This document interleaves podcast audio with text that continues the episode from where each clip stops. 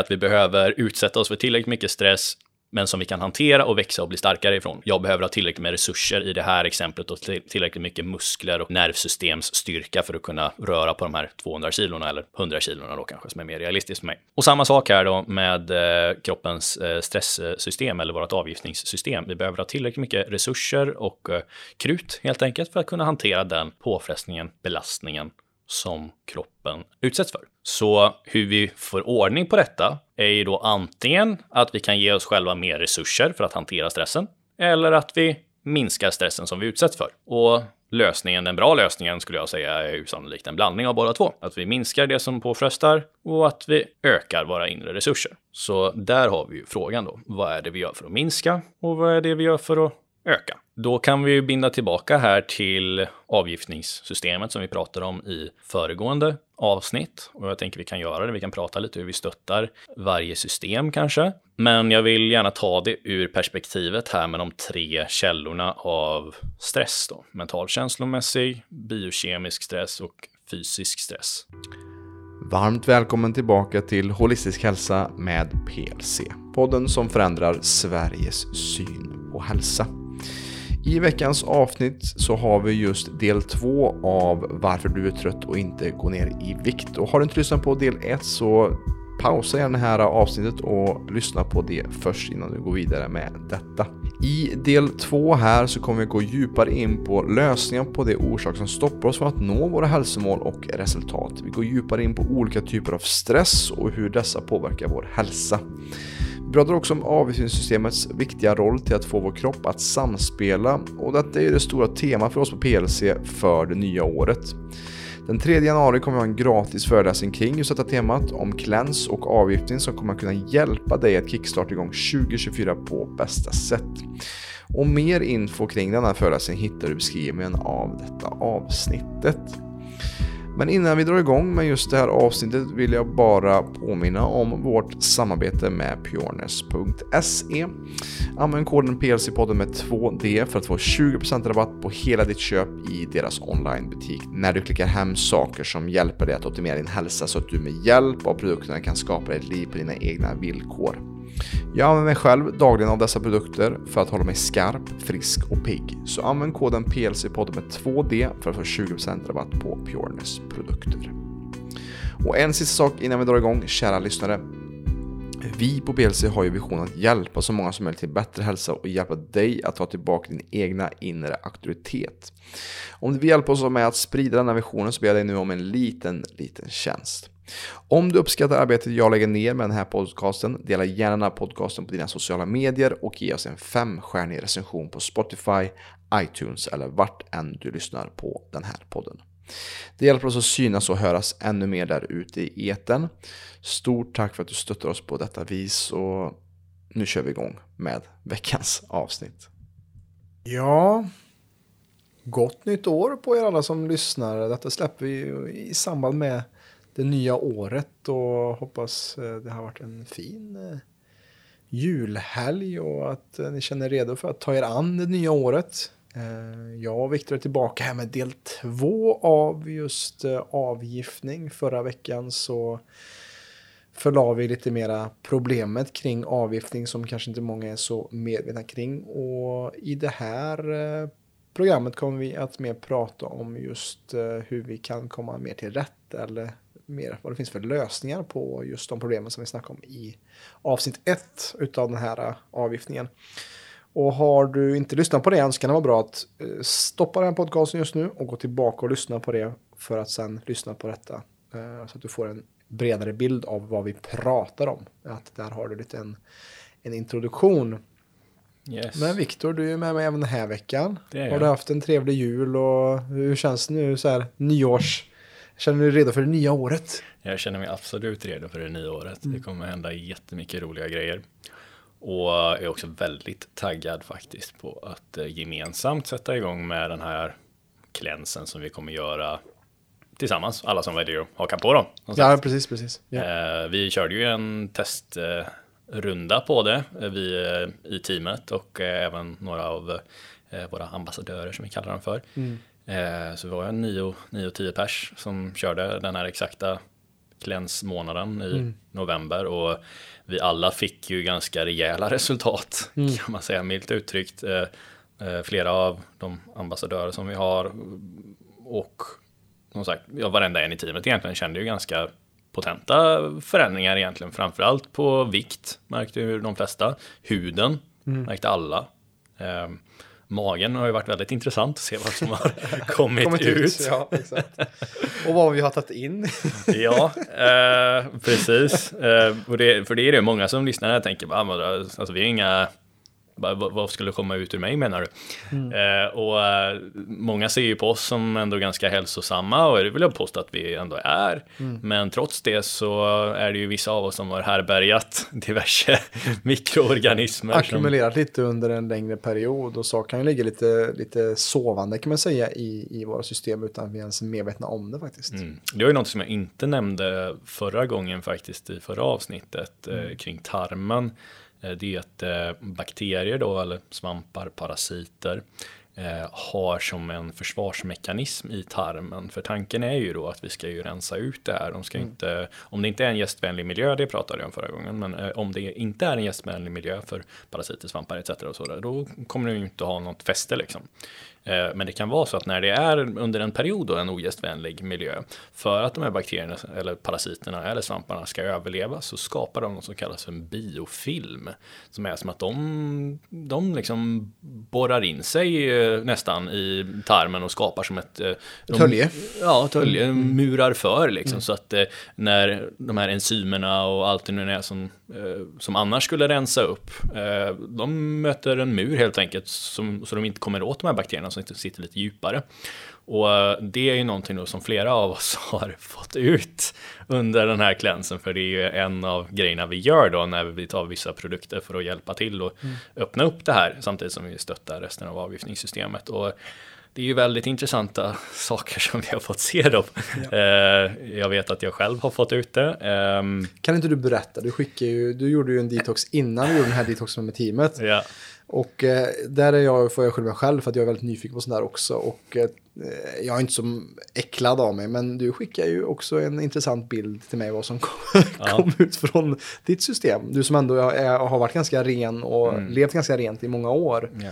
Så fanns det ändå saker som, som du bär på. Som, jag, jag, jag kan bara, jag kan bara säga det att jag har haft kroniska sömnproblem säkert sen, ja men det jag berättade i förra där, eh, förra, förra podden, eh, mm. där från eh, mina problem runt 14-15 års ålder. Ända sedan dess till och från så har jag inte haft det lätt att somna, jag har inte känt att jag vaknar med så mycket energi och diverse andra saker. Och det är ju att jag har haft en dysbios och problem över en lång tid. Perioder bättre, perioder sämre, men det har liksom legat kvar där. Och det här är någonting som även under hela perioden som varit med i PLC som jag liksom har inte pratat om så mycket. Eh, för jag är ju hälsocoach liksom. Jag, ska, jag kan inte fokusera på mina egna problem när jag pratar med andra utan ska ju bara hjälpa alla andra. Mm. Men jag har under hela den här perioden, eh, egentligen fram tills för egentligen bara några månader sedan, eh, tidigare det här året, då, ja, sovit väldigt, väldigt kass rent ut sagt. och det förstår jag ju nu då, vi har haft föraningen tidigare, därför har jag försökt göra olika typer av utrensningar tidigare, men inte riktigt lyckats eh, på det sättet. Eh, men nu har jag nu sover jag fantastiskt bra och det är för att min lever numera fungerar som den ska och inte har parasiter eller inte mm. härbärgar parasiter som jag inser att den har gjort över en väldigt lång tid. Sen är frågan vart det kommer ifrån. Eh, det är ju delvis det att jag har eh, bott utomlands, både Bali och Sri Lanka och varit i Mexiko och sådana här saker. Eh, och det kan vara till viss del därifrån, men jag vet att jag hade de här problemen innan dess också. Och det är det som är om, du skulle prata med en läkare i Sverige om detta så skulle han tycka att du är korkad. För han säger nej, incidensen för parasiter är så otroligt låg här. Eh, har du varit i tropikerna någonting? Det är det de säger. Och det är så de säger i stort sett hela västvärlden. Men som du och jag vet Robin, eh, mm. och från en av våra stora mentorer som heter Paul Check, han pratar om att nej, majoriteten av världens befolkning har svamp eller parasitinfektion mm. i kroppen. Och det här kan jag säga är... I högre eller lägre grad ja. I högre eller lägre mm. grad, mm. absolut. Och för mig då så var det att jag hade någonting som, jag nämnde till en läkare och han bara, nej, det här kan inte stämma. Jag bara, jo, men jag såg det med mina egna ögon. Mm. Att eh, jag har haft något som kallas för liver flux då. Som är som lite saker som liksom borrar in sig i levern. Um, och jag har bokstavligt talat bajsat ut hundratals sådana. Eh, det känns och, som en skräckfilm när du berättar. ja, och det, jag tror många kan känna igen sig i det. Bara, vänta, vad säger du? Fan, har jag det här inom mig? Mm. Och ja, sannolikt, det är inte så att du nödvändigtvis har exakt det här, men det är sannolikt att utifrån den här dysbiosen så har du sannolikt vissa mikroorganismer som inte är jättegynnsamma mm. för dig. Och framförallt om du har liknande problem som jag har haft. Eh, med allt från eh, trötthet och att man inte vaknar utvilad. Och, klåda i, i slemhinnor. Ja, mm. klåda i eh, kroppsöppningar? Ja, eh, ja, det kan vara allt från eh, rumpan, näsan, hårbotten. Det kan vara överallt egentligen som det kliar. Det är framförallt svampinfektioner då, som det mm. brukar vara, men det kan också vara parasiter. och efter att jag fick ut det där då, sen var det även att jag fick ut någon mask tror jag det var. Mm. ja, den var sjuk den bilden. Den var ganska sjuk. Jonas fick ut något liknande. Mm. Trots att det var en biofilm. Jag vet Tove fick också ut biofilm. Mm. jag tror Selina fick också ut biofilm. och ja, varenda en av oss har ju känt väldigt skarpt kognitivt under mm. den här perioden, vilket är jättekul, för det är precis det som sker då när vi väl kommer i homeostas, när vi väl kommer i balans och får ordning på den här dysbiosen, så kommer vår kropp fungera som den ska. Mm.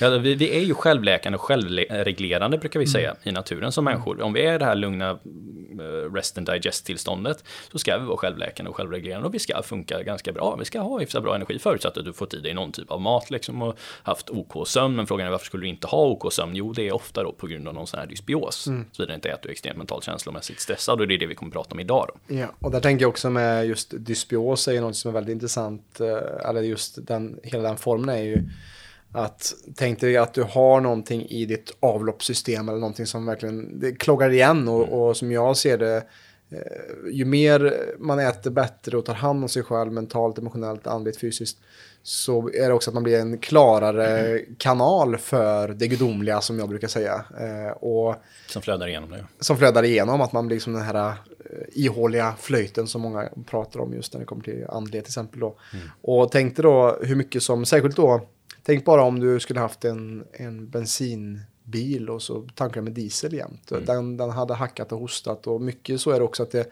det kan vara som en dimma som vi inte är medvetna om för att den blir så normal. Eh, och eh, som många av oss har känt eh, som vi gjort den här klänsen nu inom teamet innan vi gjort det här pilotprojektet då så mm. märker vi alla att det händer ju saker otroligt och för min del har det också personligen blivit en, en period av nu i höst eh, när vi gjort detta inför detta då att, att jag har både också rensat i min lägenhet mm. och liksom gjort plats för nytt och varit nog med att städa. Och för att det blir en så här inre och yttre form av, eh, av tankeverksamhet som skett där. Och det är inte så konstigt att folk som kanske mår jättedåligt och inte har energin till att skapa förändring och sina drömmar för att man har en form av dysbios eller en mental eller fysisk sjukdom. Det är klart att kanske deras lägenheter och hus också ser inte så bra ut för att man inte har energin och tiden att ens uh, ha tid att lägga fokus på att få ordning på det för att man har så mycket mm. uh, olika då obalanser i sig själv. Mm. Ja, exakt. Det är så det är så tydligt hur det är korrelaterat. Det är, alltså as above so below. Att uh, det, det mentala manifesterar sig i det fysiska, det fysiska påverkar det mentala. Ja. Och eh, precis när man gör en sån utrensning så kommer du även se vad i din omgivning som inte är i linje med det här mer, vad ska man säga, rena essensen ja. av dig själv. Och det är det som är så coolt med detta. Och det är också mm. därför som det är perfekt tillfälle kring nya året. Ja. Att göra något sånt här. Ja, för ofta som vi ser då i, i vår bransch är liksom att det är då man drar i växel 5 och man ska träna superhårt och man kanske ska ner i vikt. Och ibland så, eller för, i de flesta fall av de som vi jobbar med, så är inte det rätt väg alls. Just de flesta som kommer till oss, de tror att åh, nu kör vi igång, nu ska vi liksom träna hårt säkert. Så kommer PC och de flesta som vi sätter, liksom första vi gör bara, hur sover du, hur andas du? Mm. Och gör någon work-in, avslappning. Mm. För att du behöver först och främst komma till en, en grund där du kan sen bygga energi för att sen göra slut på energi. Så att, eh, ja, för allt det här kostar ju, precis som du säger. Ja. Och det är samma med den här detoxprocessen eller avgiftningsprocessen som vi kommer att prata om idag ytterligare. Mm. Eh, det kräver ju energi, ja. det kräver resurser. Mm.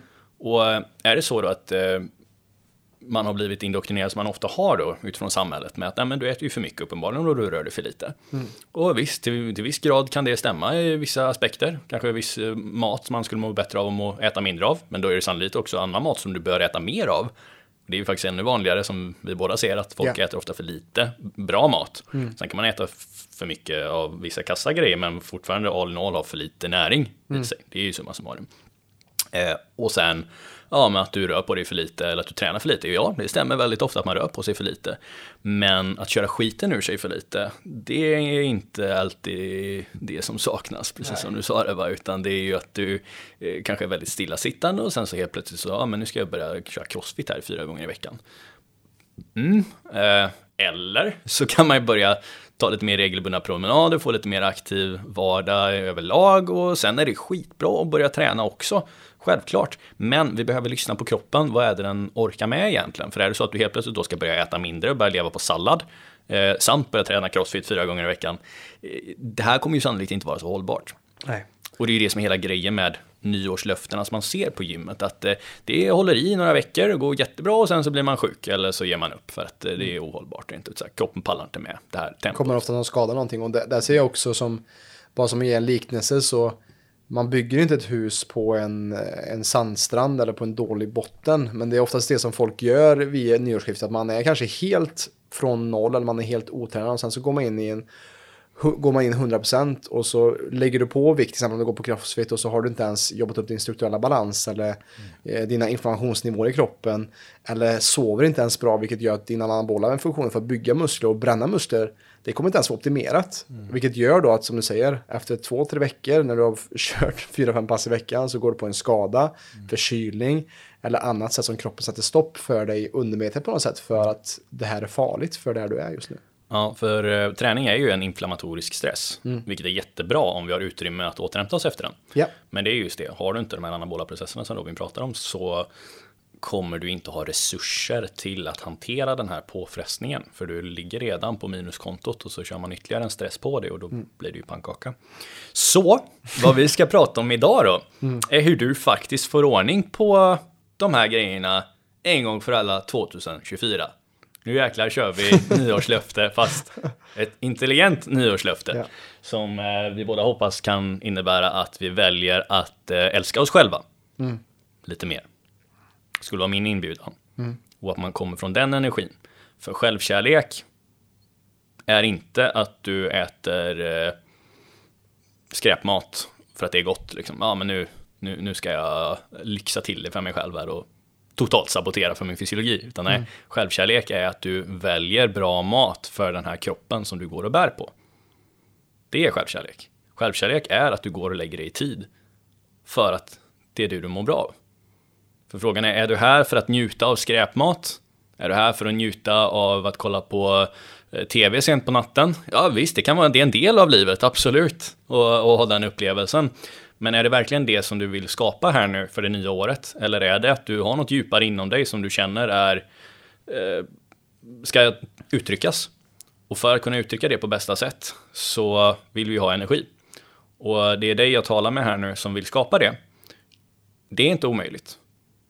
Det är faktiskt ganska simpelt om vi tänker vad som krävs för det. Sen är det en sak att veta vad man ska göra, sen är det en annan sak att faktiskt göra det. Och för det då så behöver man ju då ha delvis en inspirationen bakom det, en vilja. Och eh, förhoppningsvis av att du lyssnar på det här nu och det är det också vi kan ta tillvara på vid den här eh, tiden som vi är just nu med nytt, nytt år. Perfekt tillfälle att sätta igång. Använd dig av den inspirationen eller den motivationen, den glöden och så gör vi det nu på ett intelligent sätt. Och här kan man, man kan göra hur många metoder som helst där. Vissa är bättre, andra är mindre bra. Frågan är vad är det du kommer hålla i?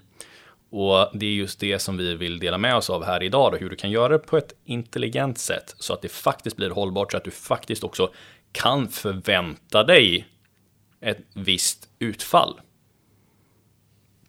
Istället för att bara hoppas på det bästa. Ja. För det är det det handlar om, att ha ett holistiskt synsätt på det hela. Vi kommer inte bara prata om att du ska träna mer och äta mindre. Det kommer snarare vara tvärtom. Eh, eller nej, vi kommer absolut röra på oss mer eh, och vi kommer äta annorlunda kanske utifrån vad vi gjort tidigare. Men det ska inte behöva vara svårt. Det kommer vara annorlunda, men det är inte svårt. Och det är det jag vill att du som lyssnar här ska ha med dig som en mental frame.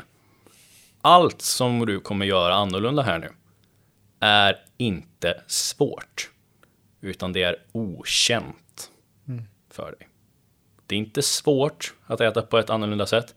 Det är okänt för dig. Och det här gäller allt, vare sig det är en eh, om man har svårt att eh, kommunicera, liksom prata offentligt. Det är inte svårt att prata offentligt. Men om du aldrig gjort det tidigare så är det okänt. Och av den anledningen så är det skrämmande. All förändring är ju jobbig och eller tar tid och det är därför oftast man inte lyckas med sina nyårslöften. För att man... Sen behöver det inte vara jobbigt fortfarande. Jag skulle fortfarande vilja sätta det som framen där, att det är okänt. Sen ja, men man eh, också, se... det är också okänt att ta sig utanför sin komfortzon. Mm, någonting, ja, någonting, som inte är bekvämt. Mm. Då är det klart att det kan vara en, en det blir en dissonans kognitivt. För man, man måste ta lite andra vägar i hjärnan för att mm. inte falla in i gamla beteenden. Ja. Och där är det viktigt med förändring, ser jag, att man också gör förändring gradvis mm. också. Ja. Eh, för vad jag bara ville trycka på det här, det är just språkbruket vi använder. Mm, är mm. väldigt kraftigt, för det säger väldigt mycket om vad som sker undermedvetet hos oss. Mm. Och om vi använder ett visst eh, språkbruk, liksom att ah, nej, men, ah, klart att det blir så här, jag är dum i huvudet liksom. Mm. Bara, bara, att man skämtar bort det på det sättet. Eller att, eh, bara, bara det att kunna ta emot tacksamhet. Mm. Bara, ah, tack så mycket för att du lagade mat, säger folk nej, det var väl inget. Mm. Mm. Bara, vadå, det var väl ingenting, du har stått där och slavat i två, tre timmar, gjort en fantastiskt trevlig måltid, tack säger jag. Mm. Hörde du vad jag sa? Kan du ta emot det? Att jag är tacksam för det? Och så bara, nej, nej. Öppna, ja, vad, vad var det här liksom? Mm. Det säger ju någonting att du har svårt att ta emot kärlek. Ja, exakt. Och då är det inte konstigt att man kanske inte är glad. Mm. Till exempel. Nej, precis. du kan inte ta emot ett tack. Precis. Eh. Men du Viktor, vart, vart börjar vi då om vi skulle börja en uh, utrensningsprocess, en cleanse? Vart startar vi? Mm. Jag gillar att uh, det, det finns Hippokrates sa ju för 200, nej, 2500 år sedan att mm. all sjukdom börjar i magen. Jag skulle lägga till där att all sjukdom börjar mentalt och manifestera sig mm. i magen. I alla fall 97% av sjukdom börjar mentalt. Mm. Eh, kanske ännu mer, beror på hur man väljer att se det. Så vad är det som gör att vi behöver klänsa då? Eller vad, vad är det som sker återigen? Vi pratade om det förra gången, men kan bara ta en snabb spolning på det här igen. Vi har då ett överbelastat eh, system. Vi har en fysiologi som är besvärad uppenbarligen. Den är belastad. Den är eh, sannolikt i någon form av dysbios då, det vill säga att det är en mikrobiell obalans bland svampar, parasiter, bakterier, virus etc. som ju utgör vår tarmflora. Och eh, det här vill vi, vi få tillbaka till, istället från dysbios då, så vill vi få det tillbaka i harmoni, eller homeostas. Där det är i balans helt enkelt. Det är tillräckligt många bra bakterier som håller de mindre bra eller ogästvänliga i schack. Sen så behövs båda två här, men är det för mycket av den ena så är det problematiskt. Då. Så det här vill vi få tillbaks i balans. Och vad är frågan, då är, om vi kommer tillbaka till första principen, vad är det som har skapat den här obalansen i första hand? Problemet är att det är en obalans, yes, det är det. Så vad är det som har skapat den här obalansen? Eftersom vi ju då kommer från perspektivet här att, med att människan är självläkande och självreglerande i sin natur, om vi får leva så som vi ska leva. Vad är det som har gjort att du då inte är självläkande och självreglerande just nu och inte kan självläka, självreglera den här fysiologiska obalansen eller den här dysbiosen? Och då är det ju någon form av stress. För det här är ju då för att komma tillbaka till vad jag brukar prata om med det autonoma nervsystemet här. Vi har ju kamp eller flykt, fight and flight-delen, sympatiska. Och så har vi den parasympatiska eller rest and digest. Då. Och det är den här rest and digest, det är där som vi som människor är självläkande, självreglerande. Känner vi inte att det är ett lejon som jagar oss, då kommer kroppen lägga sina resurser på att reparera, återhämta, reglera etc. Så vad är det som då har fått dig att inte ha tillräckligt med krut i den här återhämtningsanabola gin-processen? Och då kommer vi då till stress. Någon typ av stress. När folk säger stress så tänker man bara att ah, det är mycket på jobbet till exempel. Men stress är mycket bredare än så. Stress är ju allt som påfrestar kroppen. Och inom det holistiska perspektivet så pratar vi om tre former av stress. Vi har mental känslomässig stress. Vi har biokemisk stress och vi har fysisk stress. Så de här tre, summa summarum av de här tre blir ju din totala fysiologiska stressbörda, kallar vi det för. På engelska säger man allostatic load, alltså hur hög belastning din fysiologi är under helt enkelt som ditt nervsystem reagerar på. Och är den här för hög då så innebär det att vi går över mer i det sympatiska och för bort oss då per definition från det parasympatiska. Så frågan är vad är det för typ av stress här? Vad är det för typ av belastning på ditt system som ju då har skapat att du helt enkelt utsätter ditt system för mer påfrestning och kommer på bekostnad av kroppens förmåga att stötta, att tillgodose sin näring och ha tillräckligt med resurser för att möta den här stressen.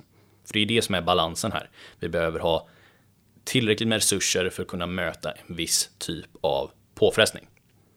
Livet har ju alltid någon typ av stress, vi kommer aldrig vara stressfria och det vill vi inte ha heller, då hade vi bara varit spagettis liksom. Vi måste ha motstånd för att kunna växa.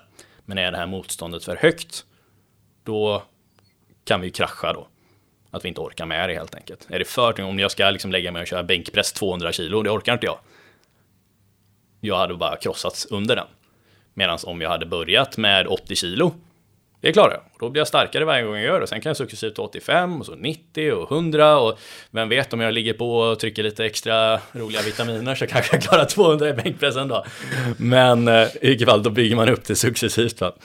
Eh, och vad jag menar är att vi behöver utsätta oss för tillräckligt mycket stress men som vi kan hantera och växa och bli starkare ifrån. Mm. Eller jag behöver ha tillräckligt med resurser i det här exemplet och tillräckligt mycket muskler och eh, nervsystemsstyrka för att kunna röra på de här 200 kilona eller 100 kilona då kanske som är mer realistiskt för mig.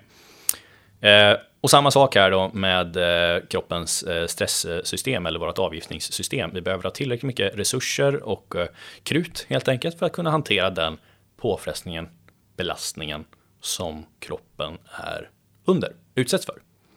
Så hur vi får ordning på detta är ju då antingen att vi kan ge oss själva mer resurser för att hantera stressen. Eller att vi minskar stressen som vi utsätts för. Mm. Och lösningen, den bra lösningen skulle jag säga är ju sannolikt en blandning av båda två. Att vi minskar det som påfrestar och att vi ökar våra inre resurser. Yes. Så där har vi ju frågan då. Vad är det vi gör för att minska? Och vad är det vi gör för att öka? Mm. Och då kan vi binda tillbaka här till avgiftningssystemet som vi pratade om i föregående avsnitt. Och jag tänker vi kan göra det. Vi kan prata lite hur vi stöttar varje system kanske. Um, men jag vill gärna ta det ur perspektivet här med de tre källorna av stress. Då. Mental känslomässig, biokemisk stress och fysisk stress. Så jag tror nog, det blir nog faktiskt bäst. Uh, så kan vi prata mest om avgiftningssystemet ur den biokemiska och den fysiska. Där.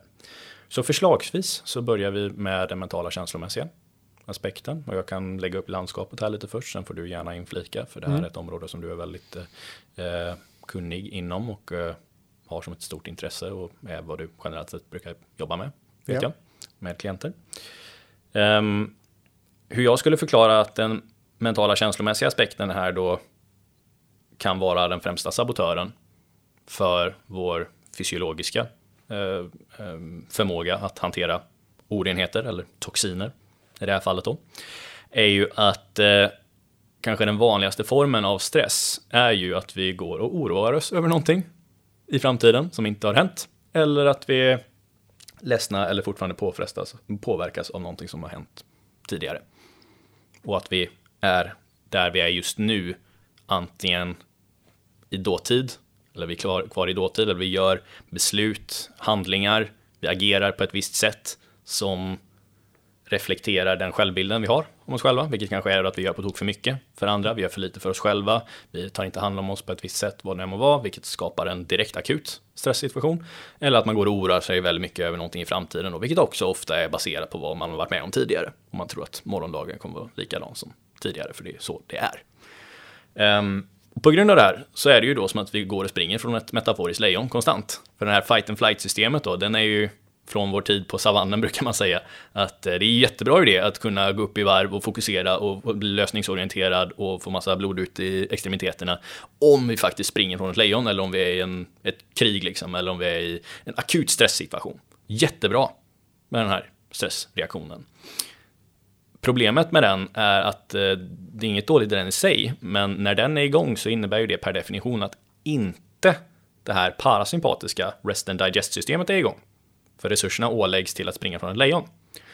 Och i de flesta fallen i den moderna världen här idag så är det ju inget lejon. Utan det här lejonet representeras av någonting som skedde för 10, 20, 30 år sedan. Som fortfarande är kvar i vårt system, Trauman. Eller någonting som inte har hänt ännu, som sannolikt inte kommer hända, men som du beter dig som att det sker utifrån din programmering som jag kallar det för. Vilket ju skapar ångest, ängslighet, oro. Att det är ett lejon som kommer äta upp mig. Och det här då ger ju samma, exakt samma fysiologiska respons i nervsystemet. Att det är som att ett lejon jagar dig just nu, vilket innebär att dina resurser förs bort då från det parasympatiska till det här fight and flight, vilket då kommer på kroppens bekostnad att kunna bryta ner mat, tillgodose sig näring och i sin tur då påfresta alla de här avgiftningssystemen som vi pratade om förra gången. Mag och tarm funkar inte ordentligt, du blir mer spänd så lymfan blir stagnerad, du kommer inte andas ordentligt så lungorna, mm. gasutbytet, pH-värdet blir off. Eh, leverns förmåga att kunna hantera eh, kommer ju då bli sänkt på grund av att du har sämre näringsvärde. Du kanske inte dricker tillräckligt mycket eller du har den här nervös kissen så att njurarna blir påfrestade. Eh, ja, och så vidare. Så utifrån det mentala känslomässiga här som vi sa så ser vi ju direkt hur det ska stänga ner då avgiftningssystemet, eller rättare sagt att det påfrestar väldigt mycket. Vad har du för tankar kring det? Eh, jag behöver faktiskt inte lägga till så mycket där, utan du, du, eh, du var väldigt bra på just att sätta ord på problemet där. Alltså, jag hade aldrig trott det själv, men jag har dykt djupare och djupare in i just traumans värld och hur vi kan eh, läka trauman och sånt och hur mycket det faktiskt påverkar både egentligen allt i våra liv, alla de undermedvetna val som vi gör som också kan, alltså självskadebeteende kan i, i grunden bero på kanske barndomstrauma eller sexuella övergrepp eller även övervikt också eh, kan vara en undermedvetet sätt att göra sig själv oattraktiv för en partner till exempel. Eh, någonting som jag håller på att lyssna just nu. Jag går igenom Bessel van der Kolks eh, The Body Keeps the Score och där finns det studier eller, eller klientfall där han ser liksom till och med att, att viss, vissa personer som är grovt överviktiga gör det för att gömma sig. Eller för att, liksom, att de inte vill ta plats i sin kropp och på så sätt gömmer sig, eller den, sin inre essens helt enkelt. Mm. Så det är otroligt viktigt att kolla på just underliggande faktorer som kan styra just oss till att ta suboptimala val till vår hälsa. Och Första steget där skulle jag säga är att bara bli medveten. När vi väl sätter ljus på det som är mörkt eller på vår skugga så kan vi få klarhet i vad det är som gör att, att det som styr oss. Som du var inne på, så många återupplever samma trauma fast kanske med en ny partner, en ny kollega eller en ny situation i livet och så ser man, upplever man nuet genom linsen av det som har hänt den tidigare. Eh, så att det brukar man kalla en trigger. Och genom att bli medveten kring våra triggers eh, mentalt och emotionellt och kunna vara fast förankrad i nuet eh, så kan det hjälpa just att se att vi är inte i någon fara utan att många ligger kvar i en hög sympatisk respons för att man ligger kvar i den här traumat eller stressen som skedde första gången kanske. Mm. Och det kan ju vara även, förlåt jag avbryter här, men det kan ju mm. även vara, behöver inte vara stora trauman. Nej, nej, utan nej, det kan vara en liten en mikrotrauma men som när man var sju år var hela din värld. Precis.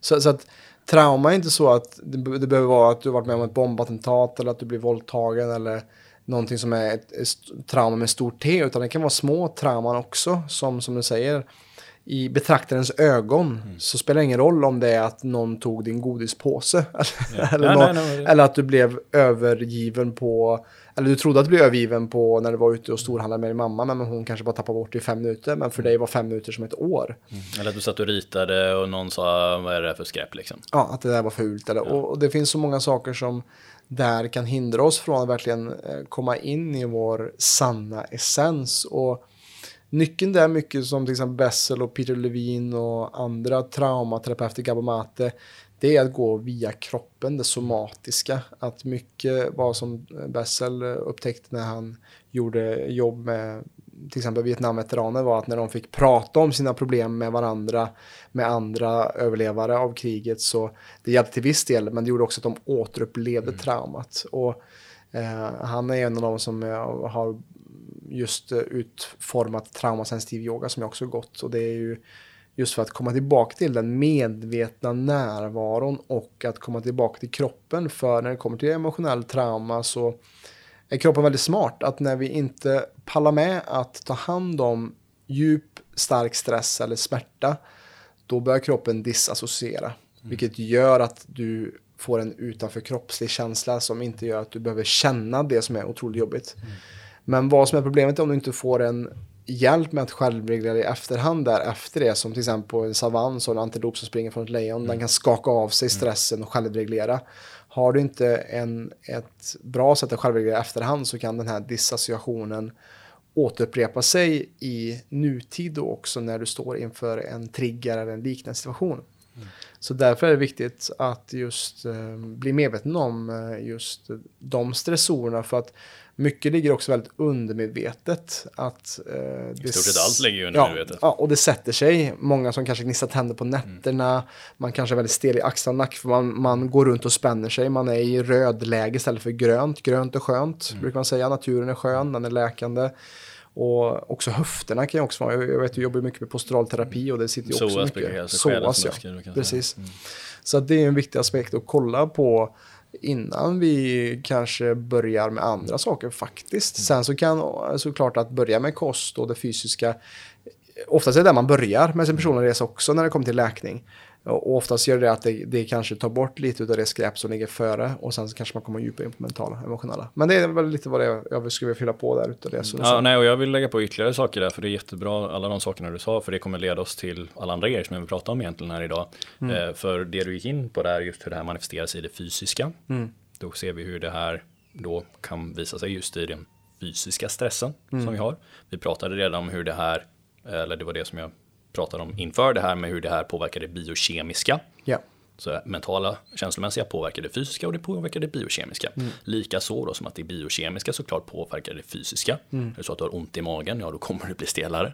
Är det så att du har något annat typ av problem liksom visceralt så kommer det visa sig fysiskt. Och tänk också om du bär på ett trauma och går runt och spänner dig så är det också då kommer du säkert ha högre kortisolnivåer i blodet på grund av att, e att du är i stress. Mm. Exakt, eh, precis. Och eh, ja, det här gör ju även då att du har ont, vilket i sin tur ökar kortisol, vilket i sin tur gör att du känner dig mentalt känslomässigt stressad också, mm. för den delen. Ja. Så, så det är det som är grejen, det är både bra och dåligt där.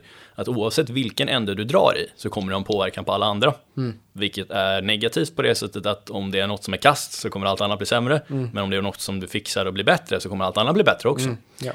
Eh, och det är också det vi kommer prata om här idag, eller som vi pratar om här idag, just hur du låser upp de här tre olika nycklarna. Mm. Men kom ihåg att det är tre grejer som vi behöver kolla på. Sen kan det vara en av dem som är ledande, mm. bidragande.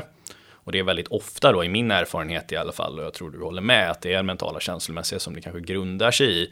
Eh, och sen manifesterar sig som biokemiskt och sen manifesterar sig som fysiskt eller tvärtom, vilken ordning det än går i. Men det är väldigt vanligt att det grundar sig i det mentala känslomässiga. Yeah. Sen kan det vara då att det är låst i det fysiska. Så även om vi jobbar på alla de här sakerna mentalt, känslomässigt och eh, biokemiskt eh, så kan det fortfarande vara tills dess att vi liksom låst upp den här triggerpunkten. Så pff, det är först då som den här releasen mm. kommer. Yeah. Så man behöver jobba liksom på alla de här grejerna och det är det som är centralt för den här intelligenta approachen till cleanse då, som vi kommer att prata om här nu, eller som vi pratar om här idag mm. och eh, som också kommer lägga ut en väldigt tydlig plan för den 3 januari som ni för övrigt bör hänga med på i mm. våran livesändning. Um, bra, men något annat som jag tänkte på där just utifrån det mentala känslomässiga som du sa där just med triggers och att vi behöver skina ljus på det och eh, ett quote som jag tycker om är just att eh, livet kommer kontinuerligt exponera dig för vart någonstans du inte är fri utifrån mm. de här triggerserna då. Och det är ju då en inbjudan som allt är till att kunna se det här i ett visst ljus. För ingenting är bra eller dåligt utan only thinking makes it so, som Shakespeare sa för massa hundra år sedan. Att eh, ingenting är bra eller dåligt. Och jag vet, det kan vara svårt att landa i det, men ingenting är bra eller dåligt, utan saker och ting bara är. Sen baserat på vad för perspektiv vi har. Så kan det antingen ja, vara vårt lidande skapas ju alltid i förväntningar som vi har skapat. exakt. Och sen så livet ger oss bara vad livet eh, eh, vad ödet har, har gett oss. Och sen så är det klart vi har viss form av kontroll över det, men vissa saker har vi inte kontroll över. Nej, men det, och det är det jag menar här, att det är inget som fortfarande är bra eller dåligt. Vi kan anse att det är bra eller dåligt, men det är inte bra eller dåligt, utan det bara är fortfarande. Och det är lite djupare eh, sak att landa i som vi ofta pratar med i, under vår coaching. Eh, som ofta är också det som står kanske mellan dig och den här inre friden. Eh, som absolut finns där, det finns alltid där. Eh, och det är en bur brukar jag säga som är låst fast på insidan. Ja. Du kan välja att aktivt steppa ur den men det börjar med att man inser att det är på insidan den är låst.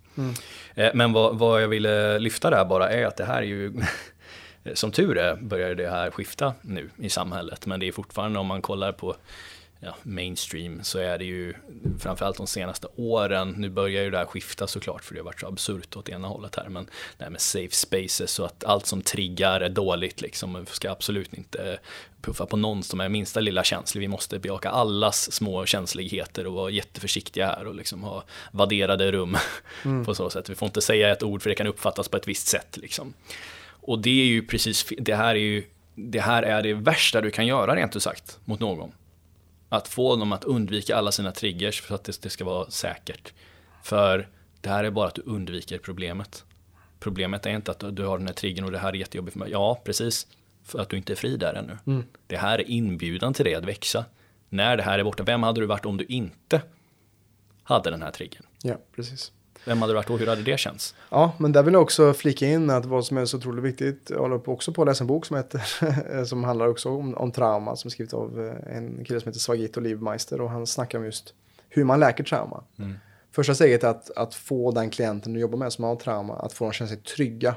Det är nummer ett. Och sen så är det liksom lite KBT-aktigt att man konfronterar klienten med liksom vad det är de har för blind spot eller vart de har ont. Så att det finns också en, en validitet i det som du säger med safe spaces, men det är också en, en på något sätt en, en stor pendel som har gått från typ slutet av världskriget när liksom trauma var fanns ingen PTSD eller man visste inte ens vad det var tills nu, till nu är vi så, nu vet vi allt om vad det är och att det blir lite för plottrigt kanske också. Ja, du det, det, det var inte det jag menade, utan vad jag menade var just att eh, vi behöver se, eller vi kan alltid se, det är alltid ett val med hur vi väljer att se det. Och sen kan det vara precis som du säger, att någon är så pass liksom, i det här traumat att eh, det inte går just nu att nå den på det här sättet. Ja. Och framförallt, det vill jag också nämna från det du sa där, att eh, vi behöver ner i kroppen. Ja, För det är precis. kroppen det här sitter i. Du kan hålla på och KBT dig hur länge som helst men du kommer aldrig komma någonstans förrän dess att du integrerar det kroppsliga. För KBT är fortfarande medvetna. Och det medvetna är ju bara en bråkdel av ja, det hela sinnet, utan majoriteten är ju undermedvetet. Och det behöver vi tappa in genom att se då de här blindspotsen som vi har för vad de faktiskt är och just ta det här steget tillbaka bland det som vi pratade om med Marcus Geus här för eh, några veckor sedan. Att eh, du är ju medvetandet som iakttar. Och när man landar i det så slipper man mycket faktiskt av Ja. de andra sakerna. Men det är en resa i sig. Eh, men där har vi i alla fall det mentala känslomässiga då, eh, upp, lite upp och ner eh, till, till allt möjligt. Men där ser vi också hur det då kopplas in i resten av eh, avgiftningssystemet då.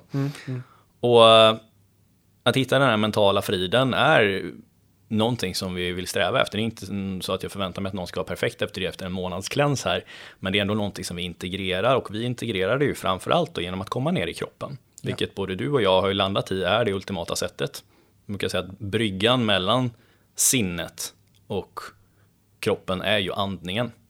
Ja, precis. Och det, det sker alltid liksom, det är en integrering som måste ske liksom eh, med kropp och sinne och själ också skulle jag säga. Att eh, utan, eh, vi kan göra och göra och göra, men utan integreringen och att landa så kommer ingenting ske. För det är samma vi är inne i i vinter nu också. Och det är viktigt att lyssna på naturens rytmer också. Det är det som är oftast det som gör att vi är ur led som människoart idag, är att vi lever i en konstant sommar nästan. Vi liksom ligger och överkonsumerar och mm, på alla fronter i livet, både ekonomiskt kanske över våra resurser och även när det kommer till energimässigt. Och därför är det så viktigt att ta ett steg tillbaka. Och där är andningen alltid eh, den största faktorn som kan få det tillbaka in i kroppen. Därför är mindfulness ett sånt kraftfullt verktyg till den emotionella eh, och mentala aspekten att läka.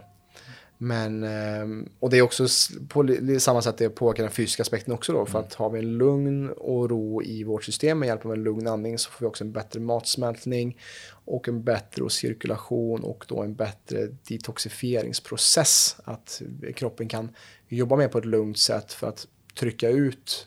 Den har lägre stress vilket gör att den kan lägga mer fokus på att just rensa. Ja. Och eh, ja, vad, hur ser det ut i praktiken? Jo, det är vissa typer av andningsövningar. Det är viss typ av allt som får det ner i kroppen. Vi gillar qigong, vi gillar sensing yoga, vi gillar eh, diverse saker som vi har. LSD. Low, slow, deep breathing. Jajamän, precis. Uh... det är lite rolig akronym så. Det är lite rolig akronym. Mm. Uh, low, uh, light, slow and deep. Light, slow and deep, ja.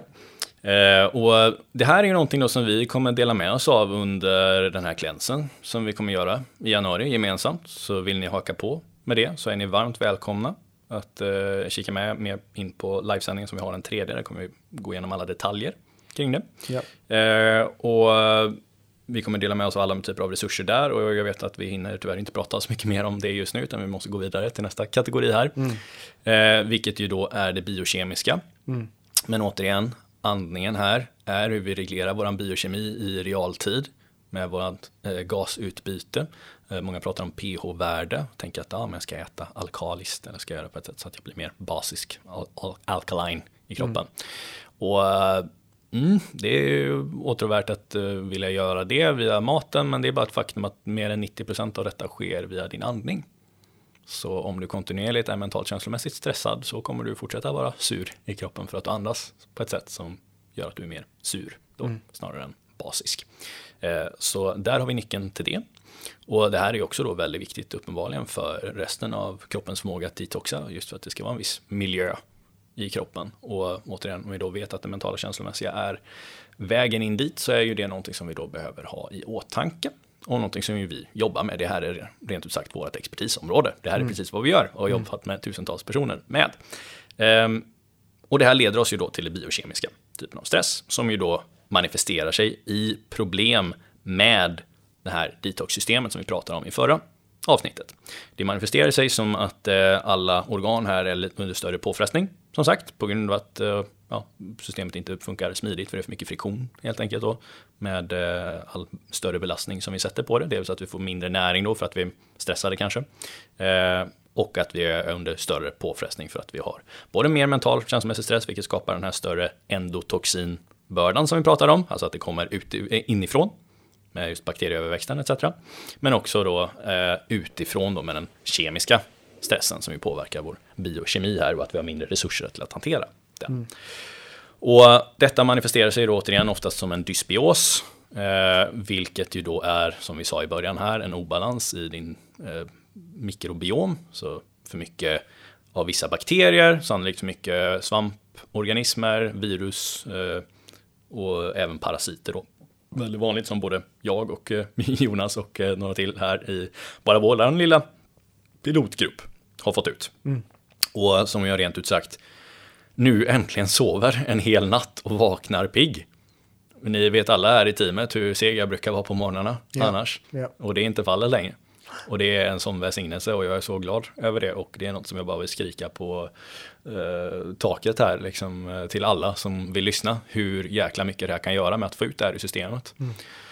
Um, och det är någonting som vi då kan hjälpa till utifrån våran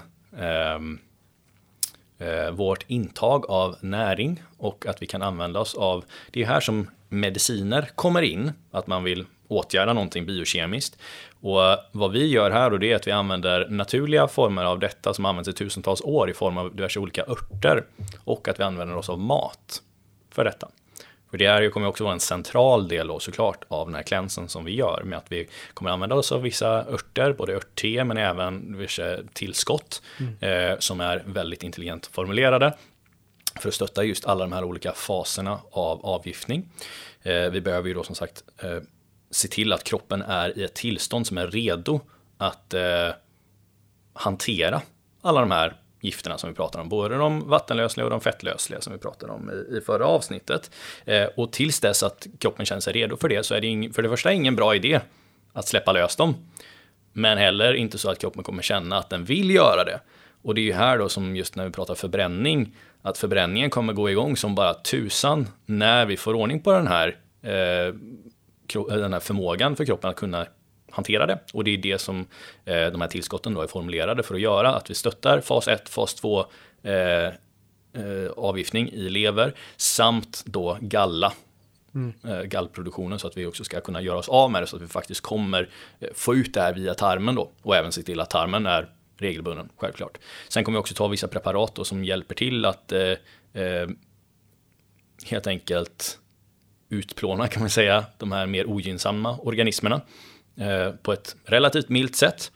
Och eh, det viktiga är när man tar den här typen av örter och preparat så är det ju då jätteviktigt att kroppen redan är öppen i de andra avgiftningsvägarna, vilket vi ju då säkerställer genom hela det här protokollet som vi går igenom. Och det här är också därför som jag inte tycker du ska göra en avgiftning på egen hand.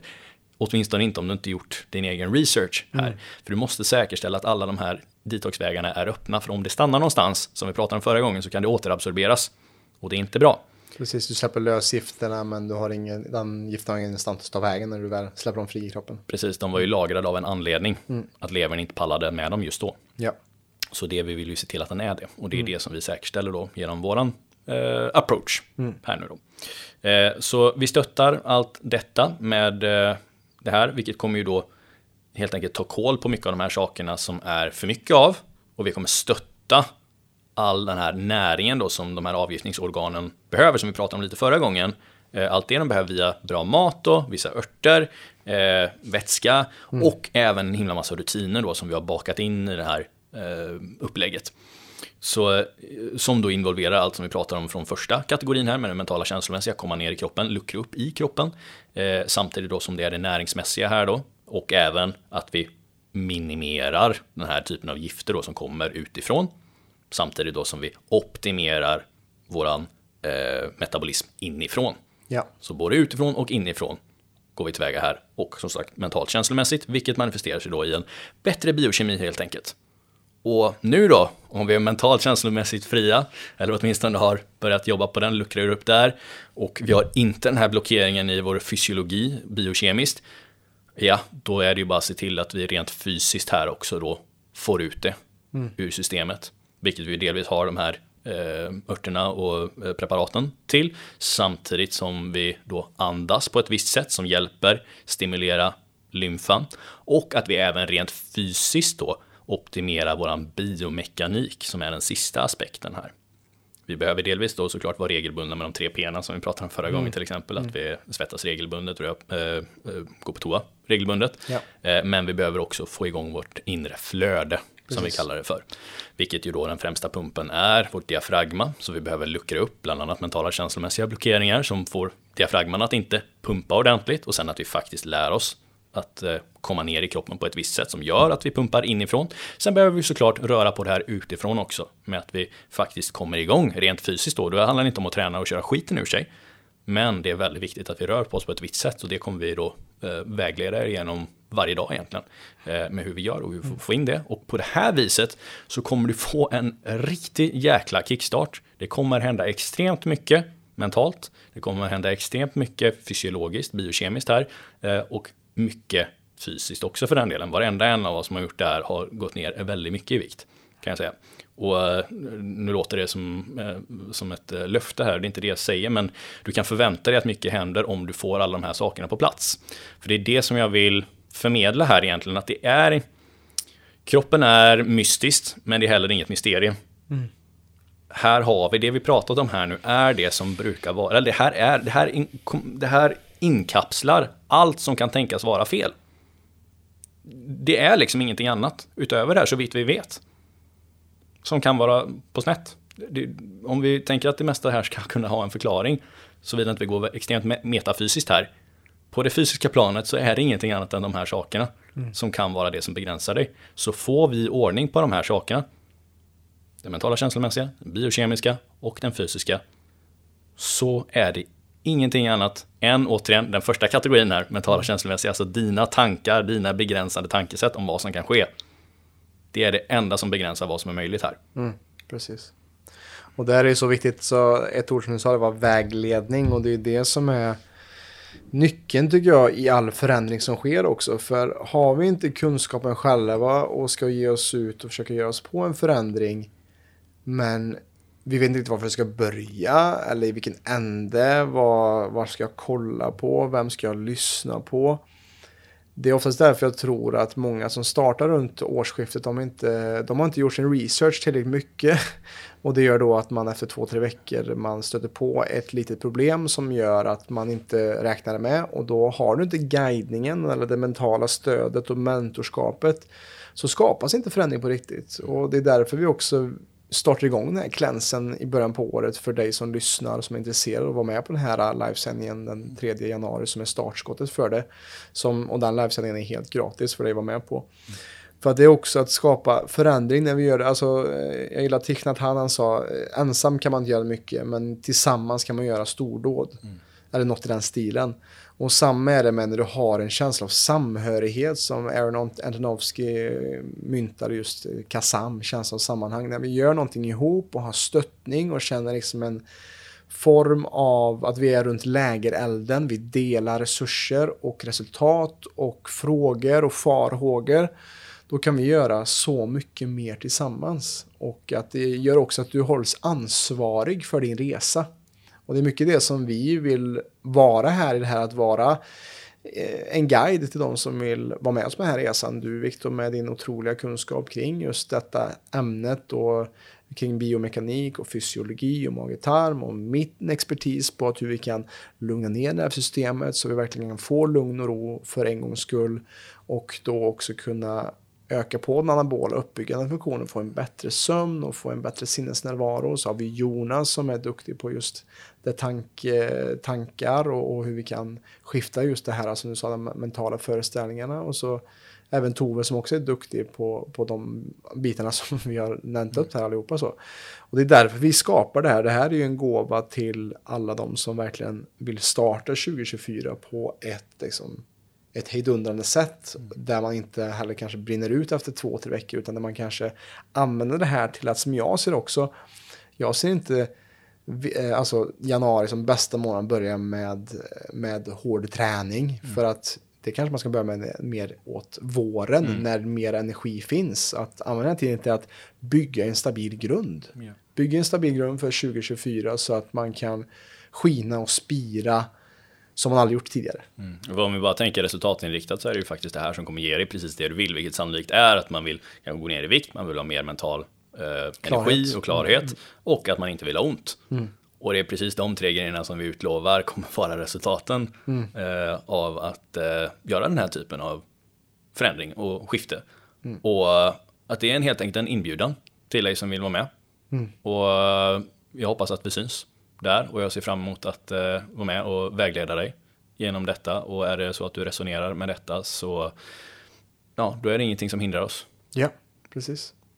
Så det 3 januari kommer du och Jonas hålla eh, en föreläsning kring just klänsen och hur, ja. hur man kan få verktyg till detta. Och det kommer vara tre timmar va? Tre timmar, tre timmar. Så det är, boka in det 3 januari så kör vi. Ja, klicka på, rivstart på nya året. ja, klicka på länken i beskrivningen här avsnittet för att läsa mer om detta och hur du signar upp.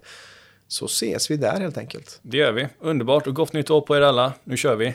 ja, det gör vi. Och dela gärna med dig av det här avsnittet som vanligt så att vi med hjälp av klänsen och allting vi mm. delar på den här podden kan förändra eh, med stadig rasttakt Sveriges syn på hälsa.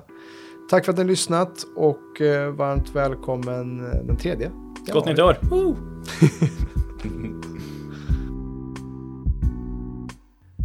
Stort tack för att du har lyssnat på det här avsnittet med mig och Viktor.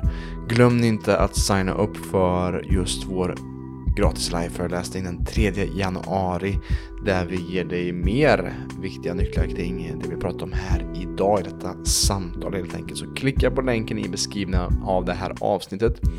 Och slutligen vill jag bara tacka dig kära lyssnare, du som kanske bara lyssnat på ett avsnitt eller om du lyssnat på alla avsnitt under 2023. Stort tack för att du väljer att lyssna på den här podden medvetet.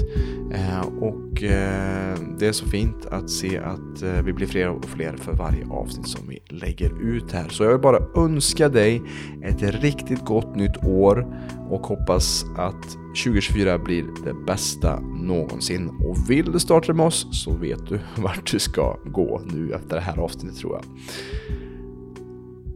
Allt gott, ta hand om dig, så hörs vi helt enkelt nästa år.